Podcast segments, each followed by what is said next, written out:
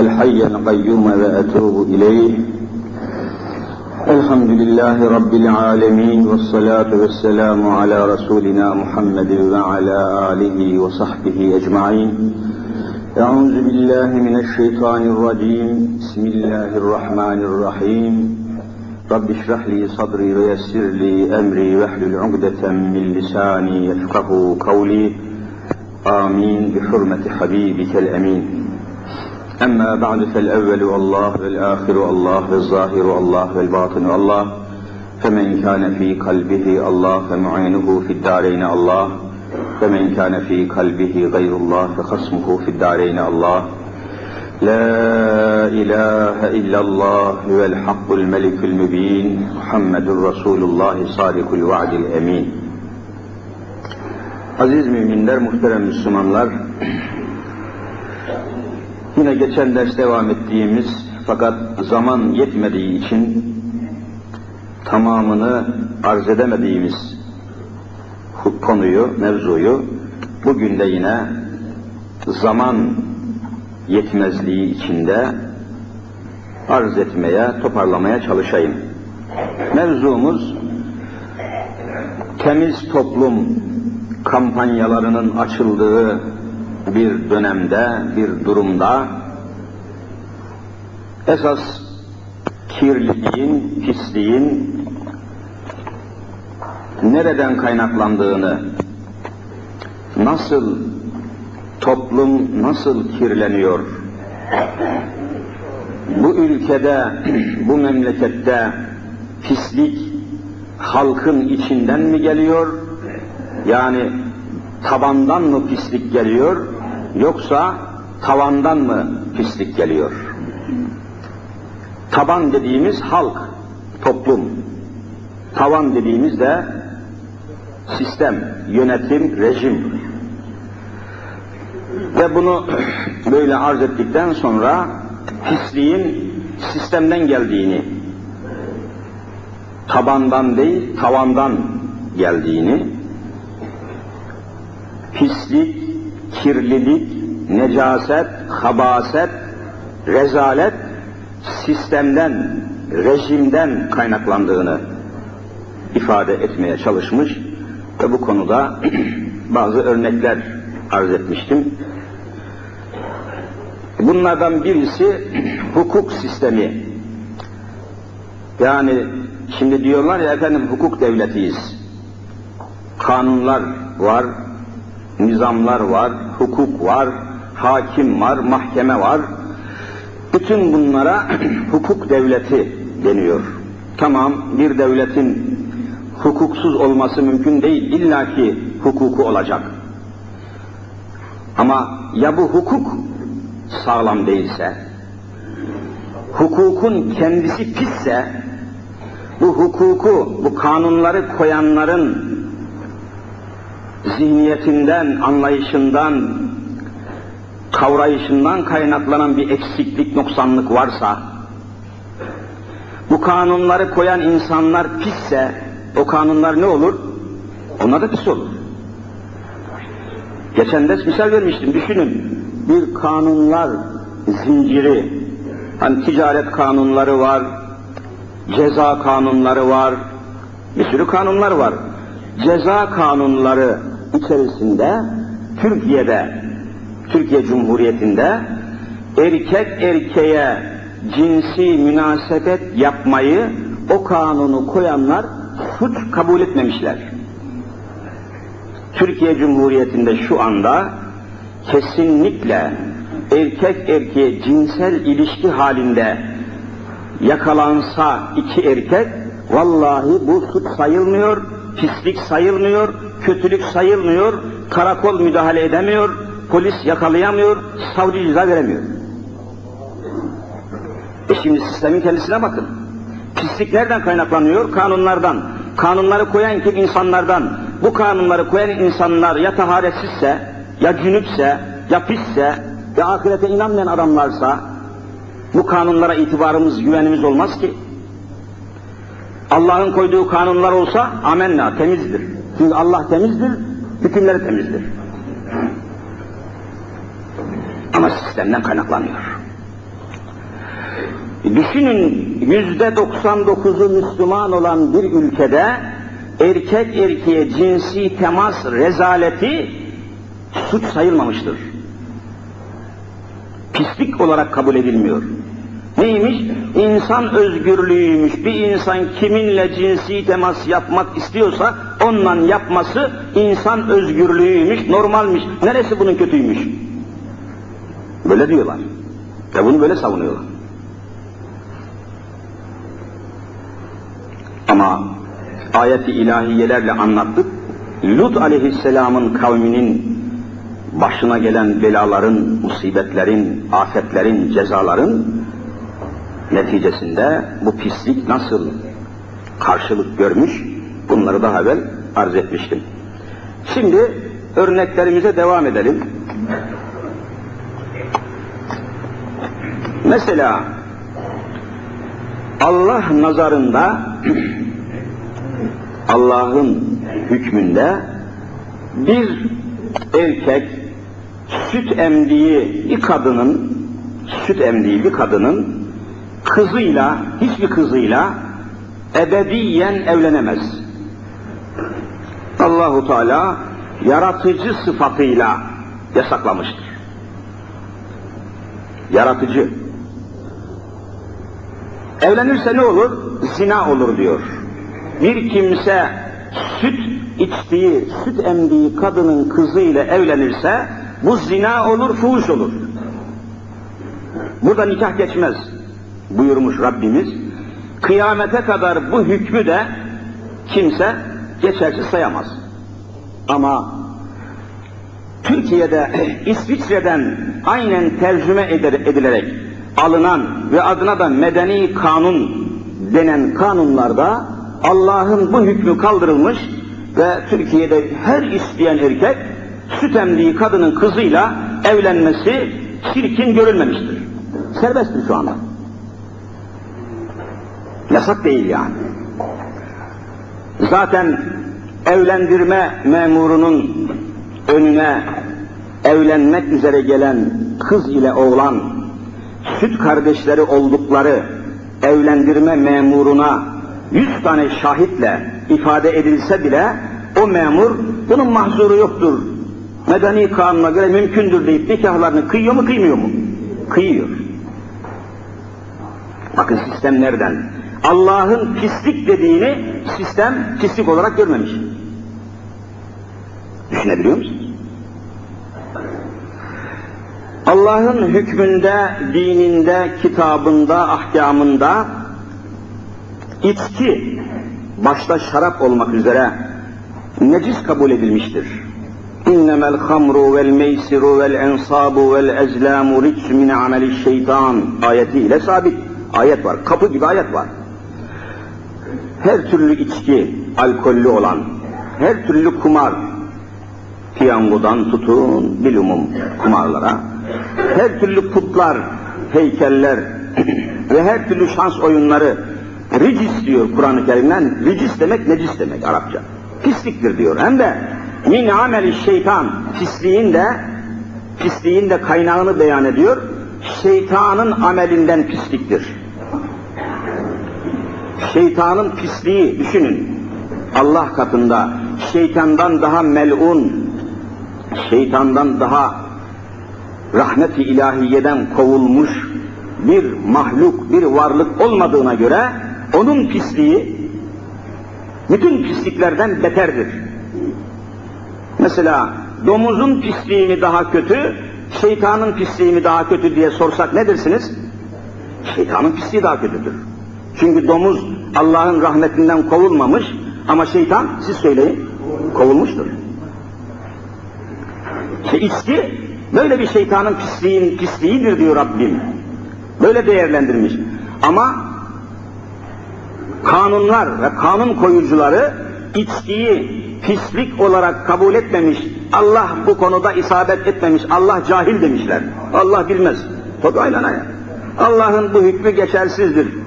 Çağımıza aykırıdır. Bu çağda içki pisliktir denir mi canım? Böyle Allah olur mu? demişler. Allah'ın bu hükmünü kaldırmışlar. İçkiyi serbest yapmışlar. Ve uzun zaman tekel bakanlığı bu ülkede şarap imal etmiş ve şarabı satmak için de satıcılara ne vermiştir? Ruhsat vermiştir. Şimdi soruyorum, pislik sistemden mi kaynaklanıyor, milletten mi? Ne dersiniz? Sistemden kaynaklanıyor. Bu sistem değişmeden toplum temiz olur mu olmaz mı? Siz söyleyin. Vallahi olmaz. Mümkün değil. Yani meselelerin yanmamız lazım. Öyle havaya bize. Şimdi çıkıp konuşuyorlar. Profesörler, efendim işte İstanbul Ticaret Odalarının başkanı temiz toplum kampanyası açtık. Neyle açtın? Senin sistemin pis. Rejimin pis. Bin kere kampanya aç. Rüşveti durdurmak mümkün değil. Rüşvet sistemden kaynaklanıyor.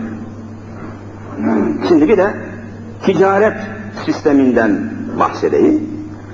Mesela biliyorsunuz kanunlar kesinlikle mesela şu andaki ceza usulü muhakemesi, ceza kanunları, yargı usulü mahkemeleriyle alakalı bir sürü maddeler var. Bir tanesini söyleyeyim, siz de biliyorsunuz. Diyelim ki iki insan aynı suçu işlese, suç aynı. Ama suçu işleyen insanlar ayrı. Biri çok zengin, biri fakir. Bugünkü sistemi anlatıyorum. Suç aynı çeşitten suç ama suçu işleyen iki kişinin birisi zengin, birisi fakir. O ceza kanunu koyan, o kanunu yazan kişiler, kanunu koyan adamlar bir madde ilave etmişler. Parayla kefalet maddesi. Diyelim ki suçu işleyen adam tutuklanıp cezaevine gönderilecek, tutuklu evine gönderilecek.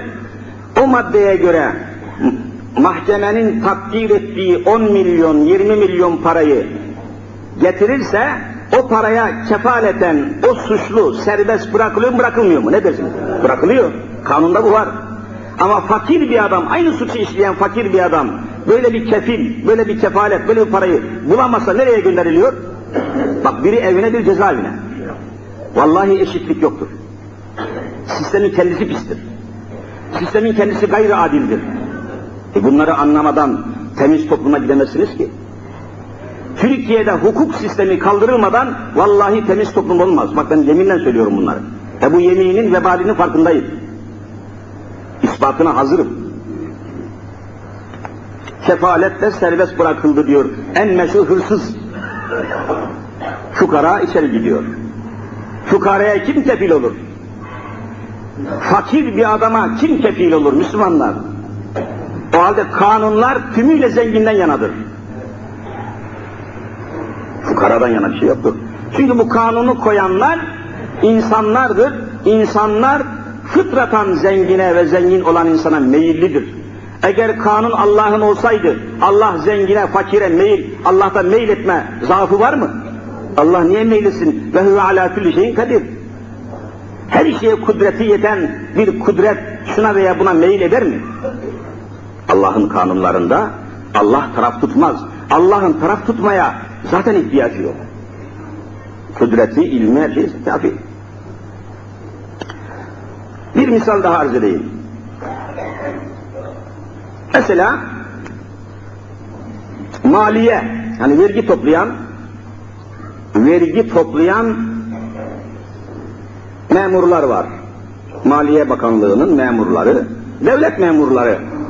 Bunlar çıkıyor, bunları siz benden daha iyi bilirsiniz. Ben sizden dinliyorum bunları. Fakat sistemi bildiğim için oradan kaynaklanıyor. Bu vergi memurları geliyor mesela bir manifaturacıya. Manifaturacı ne yapar? Kumaş satar. Kumaş. Geliyor, tam tabi habersiz içeri giriyor. Tanımıyor, bilmiyorsun. Tak içeri giriyor. Adam manifaturacı kumaş satıyor. Kumaşı müşteriye teslim ediyor. Adam malı alıp giderken adam diyor ben maliyeden geliyorum, vergi memuruyum. Seni suç yakaladım diyor. Ne suçu ya? Sen diyor fatura kesmedin, kadeve almadın diyor bu adamdan diyor. Var mı kadeve diye bir şey? KDV, katma değer vergisi. Sen kadeve kesmedin, fatura kesmedin diyor. Suçüstü yakalandın. Ver bakayım şu kadar ceza. Manifaturacı diyor ki bak bugün sistemin oyunları bunlar, tezgahları. Manifaturacı diyor kardeşim diyor ben kadeve kesemem diyor. Kadeve kesemem. Niye? Benim şuradaki kumaşların diyor yüzde yetmişi kadevesiz geldi bana diyor. Hani yüzde yüz metre kumaşın yetmişini ben diyor fabrikadan alırken ben diyor kadeve vermedim. Adam benden bunu almadı. Kadevesiz aldım diyor, vergisiz aldım. E niye? E git ondan sor diyor, fabrikadan sor. Bana niye soruyorsun? Şimdi yüz bin tane vergi memuru böyle manifaturacıları geziyor, çarşıyı geziyor, pazarı vay sen kadevesiz mal sattın, ceza ver, yakalıyor. O da ceza vermemek için memura ne verecek siz söyleyin. Şimdi sistemden mi kaynaklanıyor, halktan mı kaynaklanıyor? Sistemden kaynaklanıyor. Sistem değişmeden toplum temiz olamaz. Bunu biz her yerde anlatmaya hazırız, her yerde ispata hazırız. Genel kurmayda, Cumhurbaşkanlığı köşkünde keşke çağırsalar da sorsalar ama farkında mısın hiçbir hocayı bir yere çağırmıyorlar. Hayır, hep profesör, hırkız, dolandır, yalancı adam olmaz. Onlar zaten bu işin sistemin içindeki adamlar. Hiç mümkün mü temizlenmek, temiz olmak, değişmek? Şimdi ne yapması lazım mesela? Maliye Bakanlığı, ya bu kadar yüz bin memura maaş verip de sokak sokak, çarşı çarşı gezdirmeye lüzum yok. Niye bu memurları geziyor sokakta? Bu manifaturacıları, diyelim yüz bin tane manifaturacı var, kumaş satan tüccar var. Bu tüccarları niye geziyorsun sen? Niye? Bu yüz bin tane kumaş tüccarına bu kumaşı evvela kim satıyor siz söyleyin? Fabrikalar ya. Türkiye'de kaç tane kumaş fabrikası var? 10 tane. 10 taneye geçmez. 10 tane kumaş fabrikası var. Bunun kaynağı bu. Memurunu gönder, orada üretilen kumaşları kaç bin metre kumaş üretilmişse onların üretim halindeyken kadevesini kes al. Ondan sonra o kimseye de kadevesi satamasın. Satamayınca daha çarşıyı pazarı gezme lüzum kalmamış. Niye yüz bin tane memuru dolaştırıyorsun sen? Vallahi sistem bozuk, billahi sistem bozuk. Fabrikada kumaşı üretirken kadevesiz hiçbir metre çıkmayacak buradan desen ve bu fabrikadayken bu iş bitse de bu yüz bin memur çarşı çarşı gezip vatandaşı rahatsız etmese olmaz mı? Olmaz çünkü rüşvet alacaklar. Sistem bozuk. Sistem bozuk. Ve her şey böyle. Ekonomik sistem pis. Allah'ın nazarında faiz, bakın faiz kelimeyi bilmeyen yok.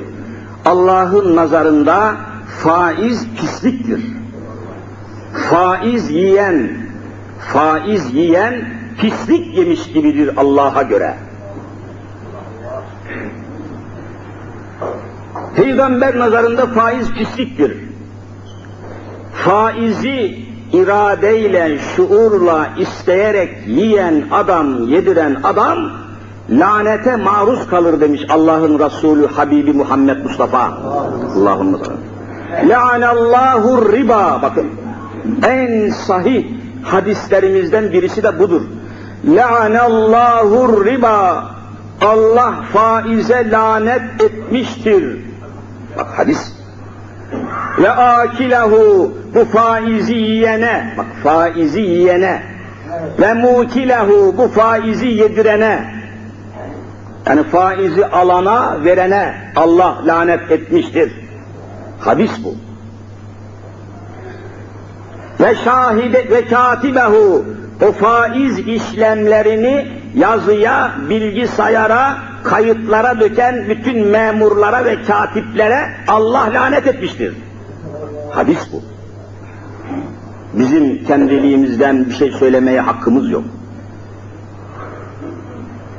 Çünkü ağzımızdan çıkan her kelime Allah'ın vazifeli melekleri tarafından ne, nereye kaydoluyor? Zapta geçiyor.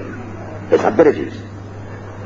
Ma yelfizu min kavlin illa ledeyhi rakibun atid ayeti bunu ifade ediyor. Ma yelfizu min kavlin kavil demek ağızdan çıkan söz demek. Hiçbir insanın ağzından bir kelime çıkmaz ki vazifeli melek kayda geçmesin. Buna inanmayan kafir olur. Biz böyle inanmış adamlarız. O halde böyle inanmış adam ağzına geleni söyler mi söylemez mi? Söyleyemez. Kur'an'a uygun olursa söyler, değil söyleyemez. Hadise uygun olursa söyler, değil söyleyemez. Atamazsın kafadan. Bak bunun farkındayız. Meali ve ve şahideyhi bu faiz alana, verene, işlemine şahitlik eden insanlara da Allah lanet etmiştir diyor. Bunu söyleyen kainatın efendisidir. Rahmeten lil alemindir yani bakın. Ve diğer bir hadisindeki kütüb-ü sitlerin üçünde geçiyor. Biliyorsunuz altı tane hadis kitabı var. Sahih-i Buhari, Sahih-i Müslim. Devam ediyor, hepsini saymayayım. Üç tanesinde şu hadis var. Er-riba selasün ve seb'une baben eyseruha en yenkihar racülü ümmehu. Faizin 73 çeşidi var. Çeşit yani. İlla da 73 olması gerekmez. Çok çeşitli anlamına. Hani şurada 72 millet var demek. Yani 72 tane mi var demek? Çok insan anlamına geliyor ya. 73 çeşidi var faizin diyor Resulullah. Eyseruha en kolayının, en hafifinin vebali, günahı, pisliği Allah katında faizin en hafifinin vebali, günahı, pisliği en yenki harracul ümmehu cadde ortasında bir kimsenin anasıyla cinsi temas yapması vallahi böyle. Hadi bakalım. Bu kadar pislik olarak ilan edilmiş, rezalet olarak ilan edilmiş, lanet olarak ilan edilmiş. Ama bizim şu andaki, Türkiye'deki şu andaki ekonomi ve bütün ekonomik sistem faizin üzerine bina edilmiş mi edilmemiş mi? Edilmiş. E daha pis, temiz olabilir misiniz? Mümkün mü yani? Hem faiz sistemiyle idare edileceksiniz, hem de temiz olacaksınız. O zaman Kur'an-ı Kerim ve Peygamber hangi, ne, duruma, ne durumuna düşer? Yalancı duruma düşer. Haşa. Bu da mümkün değil. E bakın şimdi mesela sadece fırından alıp yediğimiz ekmek. Şöyle biraz düşünün bu sistemin faizli sistemin içinde yediğimiz ekmek bakın nasıl hasıl oluyor. Çukurova'dan hani en akla gelen evvela buğday üretimi yoğun şekilde nerede Türkiye'de nerede üretiliyor? Çukurova.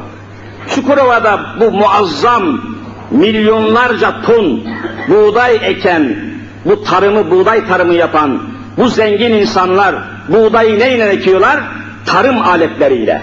Öyle değil mi? Tarım aletleri var. Öyle eskisi gibi kara saban, maban yok. Tarım aletleri.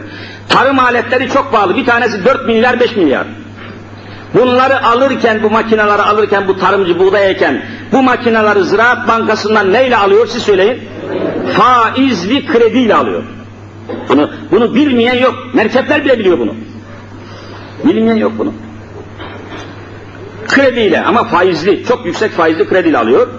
Buğdayı üretiyor, şimdi buğdayın fiyatını tespit ederken borçlarını hesaba katıyor mu katmıyor mu üretici? Katıyor, mecbur katacak.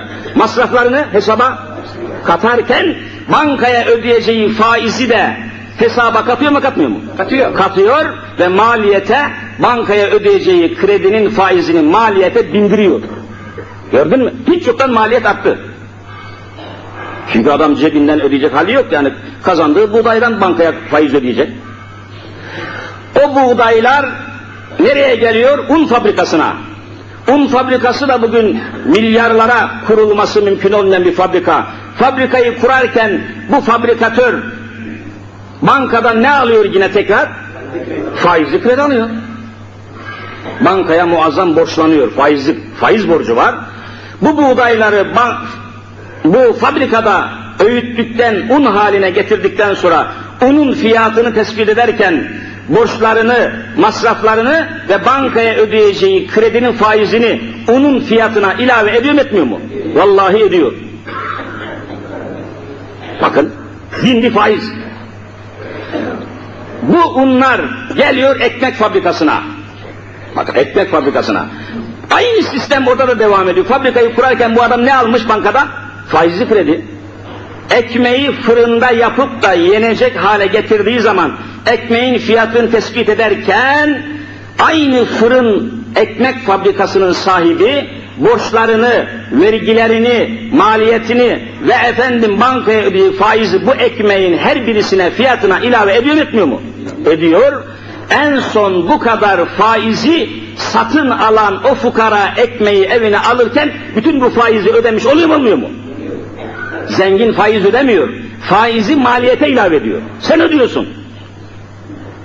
Fukara ödüyor. Zengin katiyen vergi ödemez. Ödediği vergiyi düşer. Zengin faiz ödemez. Ödeyeceği faizi ürettiği malın fiyatına ilave eder. Öyle değil mi kardeşler? Ne bakıyorsunuz ya? Basit şey bunlar bunlar. Çocuklar bunu biliyor. Sistem pis, sistem zalim, sistem kafir. Allah Allah. Bu sistemde temiz olamazsınız.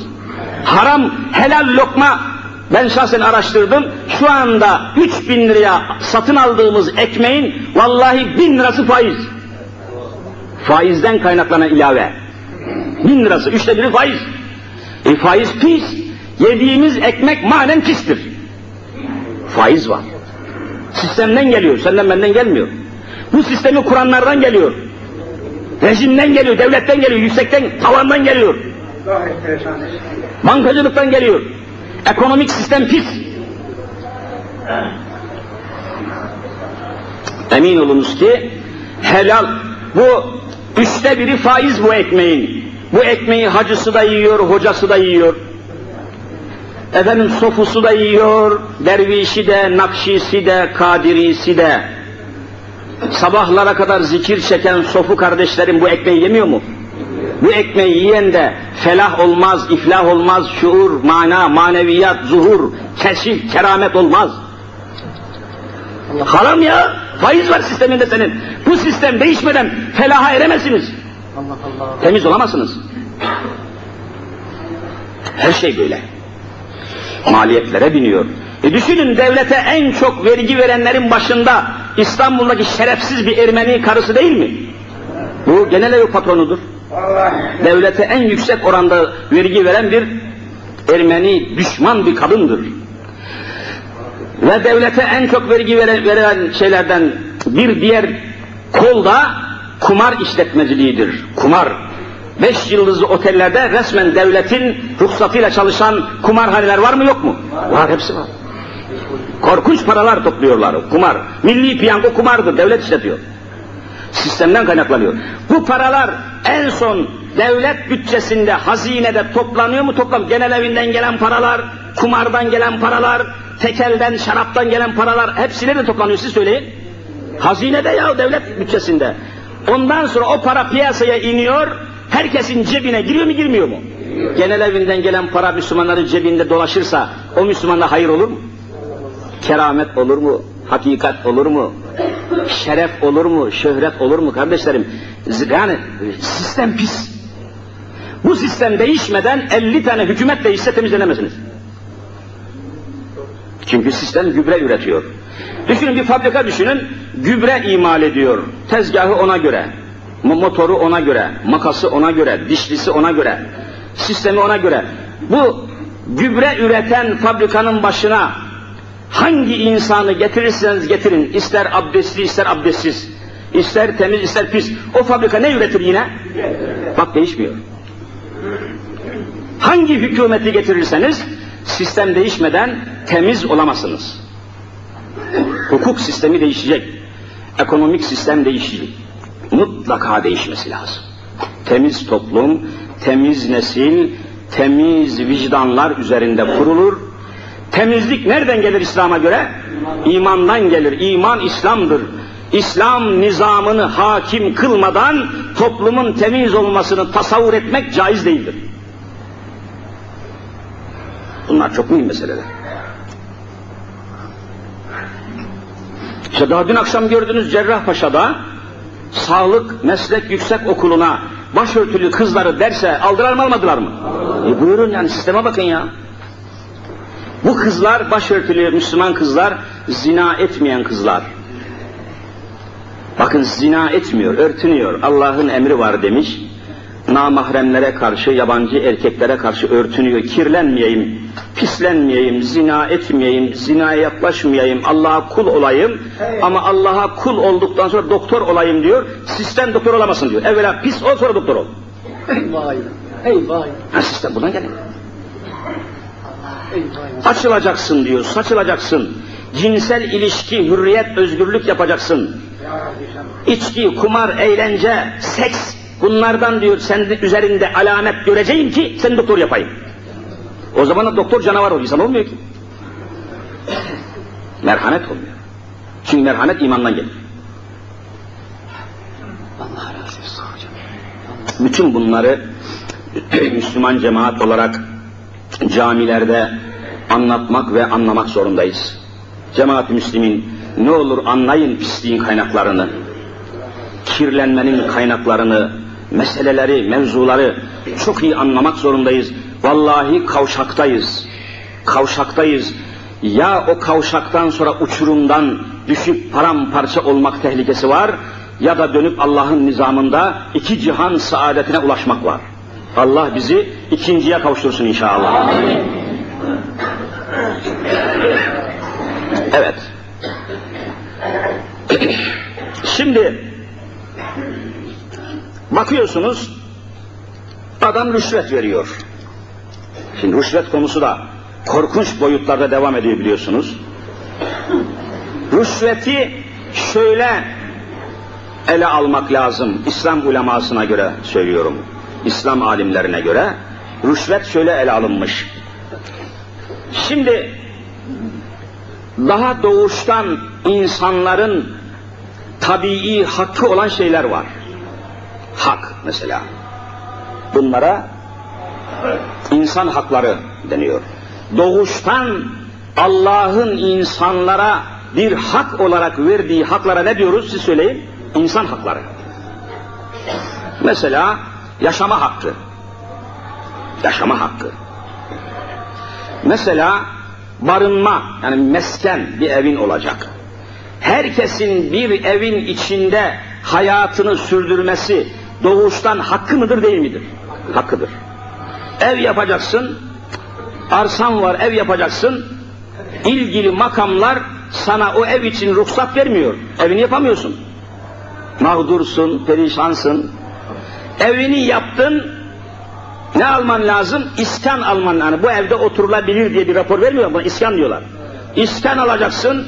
İlgili memur diyor ki bu evde oturmak hakkın, bu meskende oturmak hakkın ama beni görmeden sen bu raporu alamazsın diyor. Beni bir gör bakayım. Çekmiş arka kapıya. Şerefsiz bir adam, pis adam. Beni görmeden diyor bu iskanı sana veremem hemşerim. Evine elektrik alacak, elektrik tesisatı, herkesin elektriği alması hakkı mı değil mi? Hakkı, en tabi hakkıdır. Adam bağlamıyor, şöyle bir iki milyon, üç milyon ver de bağlayayım diyor. Peki bu durumda dört mezhepte de, Hanefi, Şafii, Hanbeli, Maliki, dört yaşayan mezhepte de biliyorsunuz, tabii hakkı olan bir şeyi ilgili amir ve memur vermek istemediği, geciktirdiği, zorlaştırdığı, beklettiği takdirde o hakkın sahibi istenen rüşveti, parayı verir, vallahi günahkar olmaz. Alan zalim olur, veren ne olur? Mazlum olur, mazlum. Ne bakıyorsunuz? Burada veren günahkar değil, veren pis değil. Pis olan kimdir? Alandır, devlettir, devletin memurudur. Şimdi pislik nereden kaynaklanıyor? Haktan mı, devletten mi? Devletten. E memuru yetiştiren kimdir bu ülkede? Devlettir. Nerede? Evvela ilkokuldan başlıyor devlet insan yetiştirmeye, o da yetişiyorsa. Her sabah okula, sınıfa, öğretmenin dersine girmeden talebeler toplanıp toplu bir ağızdan ne diyorlar? Türk'üm, doğruyum. Hani doğru bir adam? Bir tane göstereyim bakayım bana bir doğru. Türk'üm, doğruyum, çalışkanım. Hani lan doğru adam, hayvan. Bir tane göster bakayım. İşte gördük şu, şu yolsuzluklar, şu haksızlıklar, şu hırsızlıklar, şu soygunlar, bu milli eğitim sisteminin Türk'üm, doğruyum, çalışkanım laflarının yalan olduğunu, papağan boş laf olduğunu ve doğru adam yetiştirmediğini ispat etti mi etmedi mi? Bu sistem adam yetiştirmez, hayvan bile yetişmez bu sistemde. Mümkün değil. O halde zaman doldu yine ezan okundu. Bizi her zaman dediğim gibi cuma günü böyle doğum sancısı çekiyorum konuşurken. Eyvah. Hani doğum sancısı çeken şimdi çocuk gelecek dünyaya diye nasıl sızlanıyorsa ben de şimdi ezan okunacak diye sızlanıyorum. Vakit yok. İşte okundu bak bitti daha fazla beklemez sizi. Yolcumuz var, işte bankaya, şuraya, buraya hesabı, masrafı olan, müşterisi olan, efendim tahsili, parası olan insanlar şu anda böyle ağzımdan kuş tutsam da size anlatsam dinleyemeyecek durumdadırlar. Uzatmak mümkün değil. Hatibimiz hutbede uzatamıyor, vaizimiz kürsüde uzatamıyor, imamımız mihrapta asla fazla kalamıyor. Böyle tetikteyiz, ateşteyiz, ateş hattındayız. İnşallah yakın bir gelecekte devlet İslam olur da cumamız harıl harıl İslam'ın hizmetine olur. Allahu Teala cümlemizi ikaz eylesin, muvaffak eylesin. Bu pis toplumu kirleten kaynakları İslam ile temizlemeyi hepimize nasip eylesin. Amin. Amin. Velhamdülillah.